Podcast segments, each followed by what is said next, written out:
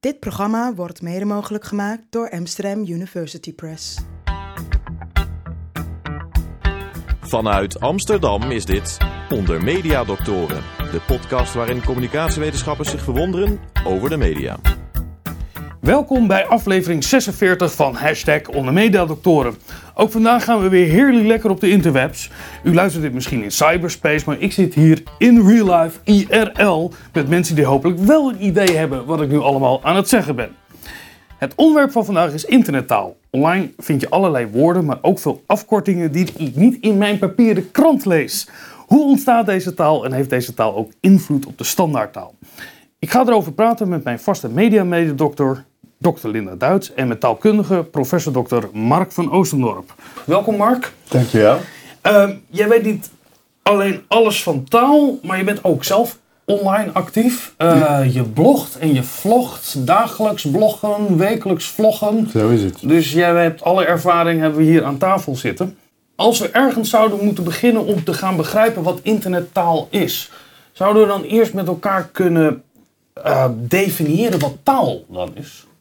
Nou, dat is een hele goede vraag. Kijk, in de eerste plaats is de, de taal is zo ontzettend verweven met ons mens zijn. Hè? Dat is, ta, eigenlijk, wij zijn mens doordat we taal hebben. We zijn verder een betrekkelijk armoedig soort aap. We kunnen niet vechten, we kunnen niet uh, hardlopen. Maar doordat we die taal hebben, kunnen we veel meer. En, en de, de oudste en eigenlijk volgens mij nog steeds de beste definitie van wat taal is, komt natuurlijk van Aristoteles. Dat is, en die is het beste omdat hij uitgaat van gedachten. Dus het zijn, taal is zijn gedachten en gedachten die je vorm heeft gegeven. Meestal betekent dat klanken, uh, maar je hebt ook gebarentaal. Hè? Doof hebben gebarentalen. Uh, dus dan heeft het een visuele vorm gekregen. Uh, de laatste jaren, het is heel interessant, is er onderzoek naar doofblinden. Dus mensen die zowel doof als blind geboren zijn. Die dus gebarentaal niet kunnen gebruiken, gesproken taal niet kunnen gebruiken. Maar die mekaars handen kunnen vasthouden en zo ook taal kunnen gebruiken. Dus het is uitgesproken of vormgegeven gedachten, naar buiten gebrachte gedachten. Kun je zeggen, een kunstwerk is dat ook. Dus er is nog één extra element nodig. En dat is, het is opgebouwd uit een beperkt aantal vaste bouwstenen volgens een conventie. En, en, dan heb je taal. En als er maar één iemand is die dat spreekt of kan gebruiken en de ander er niemand is die dat kan begrijpen, is het dan nog steeds een taal?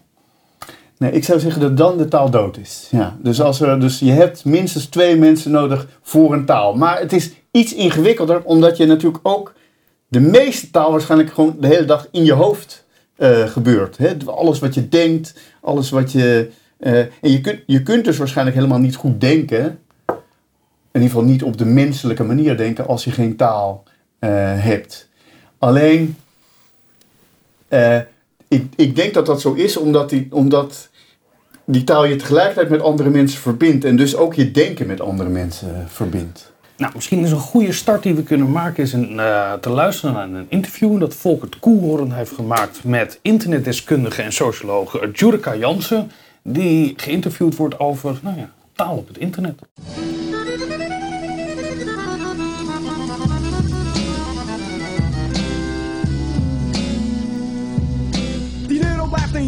100 piek, dat is een meijer.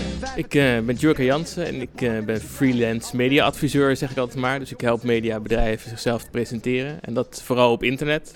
Ja, internettaal is de taal die mensen op internet gebruiken natuurlijk. Het is een beetje een soort uh, subcultuurtaal, zou je bijna kunnen zeggen. Uh, vroeger spraken we natuurlijk wel van hè, de, de, de, taal, die, uh, de internettaal. Ik denk dat er nu meerdere soorten internettalen zijn, omdat er veel meer bezoekers dan, dan, vroeger. Veel meer internetgebruikers eigenlijk. Dus daar heb je tussen ook weer verschillen. Dus ik denk niet meer dat je helemaal kunt spreken over de internettaal, maar... Uh, ja, er zijn natuurlijk wel uh, afwijkend uh, taalgebruik van mensen die veel op internet zitten, mensen die weinig op internet zitten. Taal die je op internet gebruikt en taal die je offline gebruikt, om het zo maar te zeggen. Hoewel dat natuurlijk ook steeds meer elkaar begint over te vloeien. En het hangt heel, heel erg af van het medium dat je op dat moment aan het gebruiken bent. Hè. In een mailtje gebruik je andere taal vaak dan dat je als je op Twitter zit of via Snapchat en dat soort dingen. Ik denk dat er eh, twee grote eh, invloeden zijn. De, aan de ene kant dus eh, per medium verschilt je taalgebruik ook. Dus het medium bepaalt ook de taal eh, die je gebruikt. Ook omdat je natuurlijk woorden moet hebben voor hetgeen je aan het doen bent. Hè. Zeg maar, het woord twitteren bestaat alleen maar omdat er een medium is dat Twitter heet. Dus ja, dan krijg je tweets en retweet en dat soort dingen.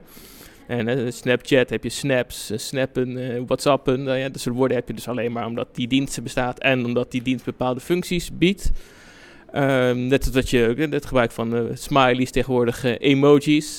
dat, ja, dat hangt samen met wat, wat toevallig die dienst biedt. En in het geval van emojis, hoe groot de character set is en welke emojis daarin zitten. En daar hangen mensen dan bepaalde betekenissen aan. Ehm, dus dat heeft een grote invloed in de technologie. Dus, sowieso, dus technologie verandert, dus daar zullen nieuwe woorden mee komen en andere weggaan. hè. straks bestaat Twitter niet meer, dus dan zal het woord retweeten ook wel eh, wegebben. Maar je ziet ook bijvoorbeeld dat Twitter het gebruik van hashtags heeft overgenomen van IRC. Dus dan zo'n soort iets eh, zie je wel dat dat blijft eh, bestaan. Eh, daarnaast heb je, had je vroeger die, die loggerstaal. Hè? Dat, eh, dat hing ook een beetje samen met het Rotterdams vaak. Dus heel veel woorden die op een T eindigen en dat soort dingen. En Dat heb je nog steeds wel een beetje, maar het begint wel minder te, eh, te worden. Maar er blijven wel dingen van hangen. Dus eh, net als met elke subcultuur, het heeft een bepaalde invloed. Eh, sommige woorden zullen blijven hangen, andere die hebben weg. Het is de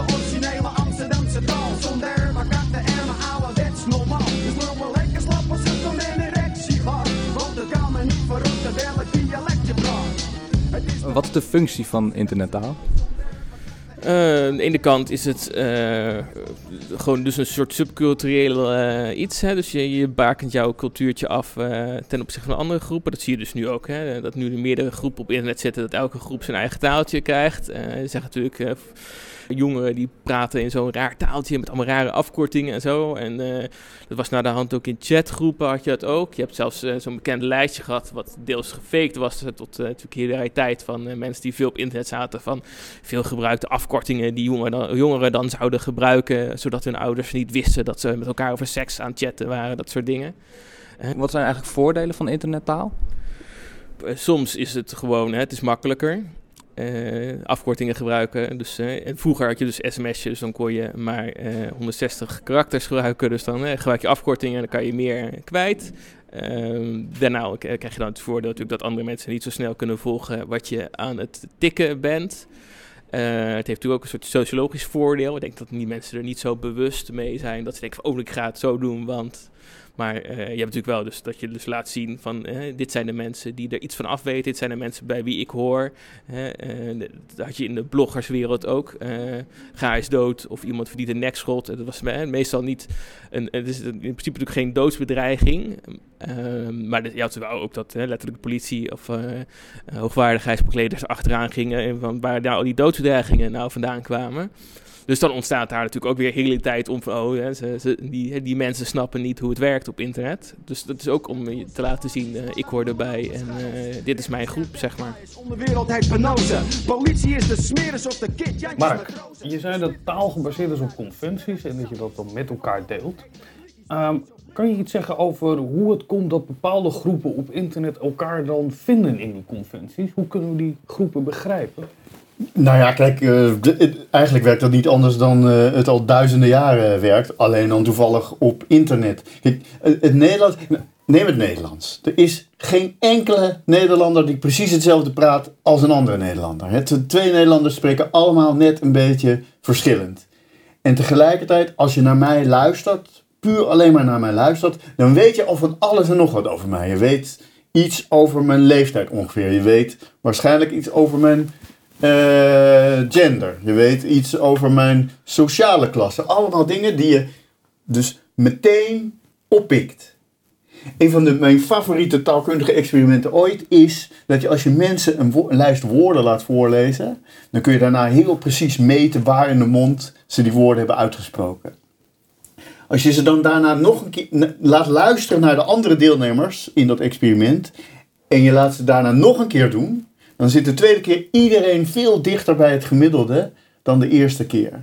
Dus dat wij nu met elkaar praten, dat betekent al dat voor altijd onze taal een klein beetje veranderd zal zijn, namelijk een klein beetje aangepast aan elkaar. Dus dat aanpassen, het aan, je aan elkaar aanpassen, hoort heel erg bij taal. Dialecten horen heel, heel erg bij taal. Het is heel erg mensen denken vaak aan taal als primair een, een communicatiemiddel. Maar het is minstens net zoveel een manier om te laten zien wie je bent. Hè? Iets over je identiteit eh, uit te drukken. Eh, de- dus dat, alleen op die manier kun je verklaren waarom taal zo divers is. Kijk, een goed communicatiemiddel is heel stabiel, verandert niet en heeft een duidelijke standaard. Morsecode. Precies. Hè? Dus dat verandert, want zodra je dat gaat veranderen of gaat variëren, ja, dan ontstaat er verwarring en dat is niet de bedoeling. Maar in taal is er altijd variatie en ook altijd verandering. Op internet heb je niet vaak dat je de stem hoort, maar je krijgt er wel weer andere dingen voor terug die, Ja. die technisch mogelijk worden. Ehm, hoe, leren eigenlijk, hoe, hoe, hoe leer je dan daarmee omgaan? Om je, daar, want je zegt, we passen ons aan elkaar aan. Ja. Waarom spreekt dan niet iedereen op internet dezelfde taal? Oh, Kijk, je past je aan aan de. wij passen ons nu aan elkaar aan, maar je past je, voor, je past je meer aan aan de mensen op wie je wil lijken.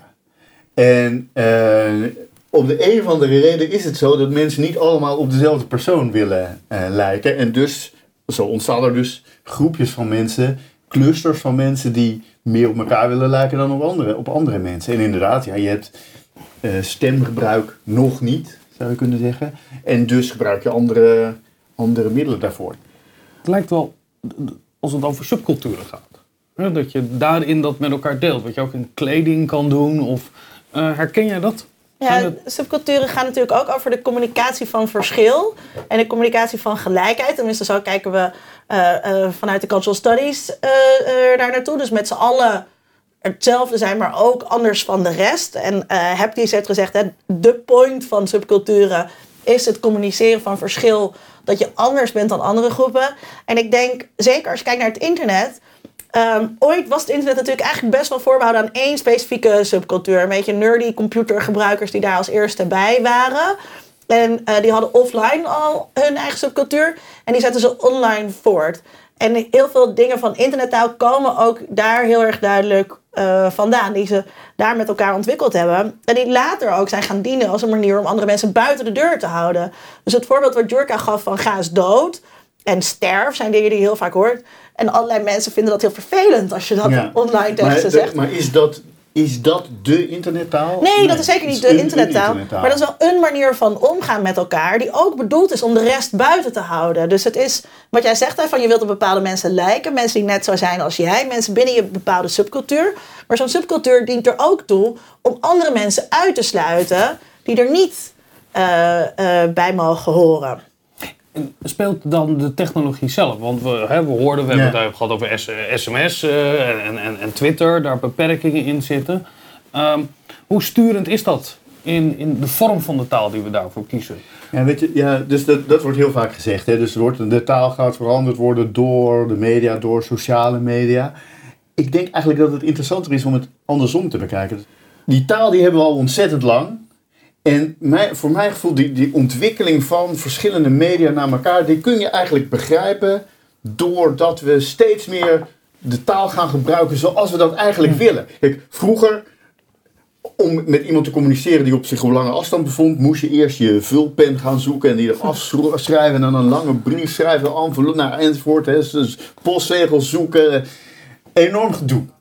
Dat is natuurlijk niet zoals de taal bedoeld is. Waar is de taal voor bedoeld? Waar, waar hebben we oorspronkelijk de taal voor? Ja, om een beetje met elkaar te gaan zitten eh, roddelen en, eh, en, en dat soort dingen. Dat is waarschijnlijk een beetje zo de diepste functie van, van eh, taal. Dat is wat we daadwerkelijk altijd hebben gedaan. Daar gaat, vandaar volgens mij die sociale media. Het is niet zo dat die sociale media nu opeens ons Maar tot dat allerlei goed? Dat- informeel taalgebruik hebben geleid. We, dit informe- onze drang tot informeel taalgebruik heeft ons naar die sociale media geleid. Dat is natuurlijk ook wel wat een taal hè, op internet is, een beeldtaal. eh, die sinds de komst van de emojis eh, misschien wel onlosmakelijk daarmee is verbonden. Redacteur Marloes de Jong maakte er een item over. Hartjesogen, duimpjes, blozende wangetjes en onschuldige aapjes. Emojis zijn niet uit onze internetcommunicatie weg te denken en worden beschreven als hallmark of the digital age. De eerste die de smiley in de online wereld introduceerde was computerwetenschapper Scott Velman. Hij gebruikte een combinatie van dubbele punt, streepje en haakje om grappige berichten van elkaar te onderscheiden. Op dit lachenbekje ontstonden vervolgens een hoop variaties, zoals de welbekende dubbele punt P en de XD. Zo'n combinatie van letters en tekens die een emotie uitdrukt, wordt een emoticon genoemd. En dat is wat anders dan een emoji. Dat zijn namelijk de geïllustreerde smileys en icoontjes. De emoji werd eind jaren 90 ter wereld gebracht door de Japanse firma Unicode. Ieder bedrijf dat gebruik maakt van emoji heeft een bepaalde mate van vrijheid in het ontwerp. En dat roept wel eens verwarring op. Zo is de emoji van een danser door Apple vormgegeven als een soepele flamenco-danseres, maar ziet deze er bij Google meer uit als een zelfingenomen, zwaarlijvige barbapapa. En neem de emoji van de drol. Waar deze op een iPhone een toonbeeld van kinderlijk enthousiasme is, ziet een HTC-gebruiker niets meer dan een levenloos hoopje stront. Nuances in de vormgeving kunnen dus een grote invloed hebben op de betekenis. Zo bleek ook toen Apple de emoji van een persik iets aanpaste. Menig gebruiker treurde. De emoji die ooit een volle beeldpartij representeerde, zag er nu slechts uit als een stukje fruit. De persik is niet de enige emoji met andere connotaties. Zo weet de ervaren emoji-gebruiker natuurlijk dat de aubergine veel meer is dan een onschuldig stuk groente. En ook de drie waterdruppeltjes doen het leuk in seksgerelateerde gesprekken. Naast deze onschuldige issues kampen de emoji ook met meer serieuze problematiek. Het gebrek aan diversiteit binnen het geheel aan emoji kwam meermaals ter discussie. Zo waren namelijk vrijwel alle emoji die mensen representeerden wit. In 2015 veranderde dit en kwamen er onder andere de keuze uit vijf verschillende tinten huidskleur voor de menspoppetjes. Dit viel echter niet bij iedereen in de smaak. Het zou racistische uitingen op sociale media in de hand werken en zou vereisen dat mensen zich raciaal identificeren. Daarnaast leverde het feit dat de emoji aanvankelijk wit zijn, maar een ander kleurtje gegeven kunnen worden, commentaar op. Een van de opties die werd aangedragen: maak alle emoji weer geel, net zoals ze ooit begonnen zijn. En mocht je zelf iets missen, emojibedrijf Unicode staat open voor alle inzendingen van niet bestaande emoji. Maar denk er niet te licht over. Voor een emoji het scherm haalt, ben je vaak een proces van minimaal twee jaar verder.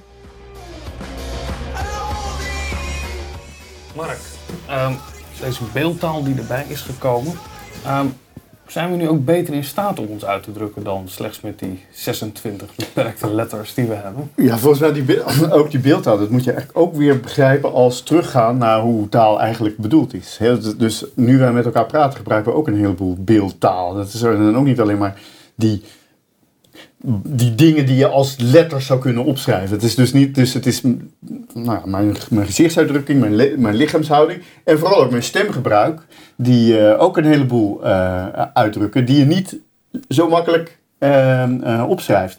Dat is, ook dat kun je zeggen, dat we hebben om de een of andere reden door de techniek gedwongen hebben we ontzettend lang zonder gedaan. Het is op zichzelf eigenlijk heel interessant, want wat was nou precies die techniek die tegenhield dat je emojis vroeger zou gebruiken? Ja, op de typemachine heb je maar zoveel letters, dus dan kan het niet. Maar in geschreven brieven zou je zeggen, hadden we toch al veel, veel eerder die Ja. dubbele punt, streepje, haakje sluiten kunnen gaan gebruiken. En dat is toch nooit gebeurd. Want is dit nou voortgekomen uit miscommunicatie? Dat Kijk, we ik- zeggen we moeten er iets bij hebben? Ik denk, ik denk dat het een extra ruimte biedt. Dus dat, dat er iemand gewoon op een gegeven moment bedacht heeft dat het uitmaakt of dat je iemand ergens een knipoog bij kan geven. In mijn brief deed je dat misschien veel meer in de zin, zeg maar, die je wilde, die, die je ging schrijven. En heel veel van het internet heeft natuurlijk te maken met beperk, beperking. Dus vroeger in sms-taal, omdat je maar zoveel tekens had en het anders duurder was. Of in code, omdat je weinig ruimte hebt. Dat, dat, dat was eerst een probleem. Dan bij een brief, het is altijd fijn om een langere brief te krijgen. Maar een brief, kijk, een brief, een handgeschreven brief, dan zie je ook aan het handschrift dat iemand woedend is. Precies, Of ja. met tranen bevlekte brief, weet je wel. Dus eh, met een brief kun je natuurlijk eigenlijk ook al veel meer uitdrukken. Of, ja, ik weet niet hoeveel mensen dat vroeger deden, maar ik maakte ook wel tekeningetjes bij mijn...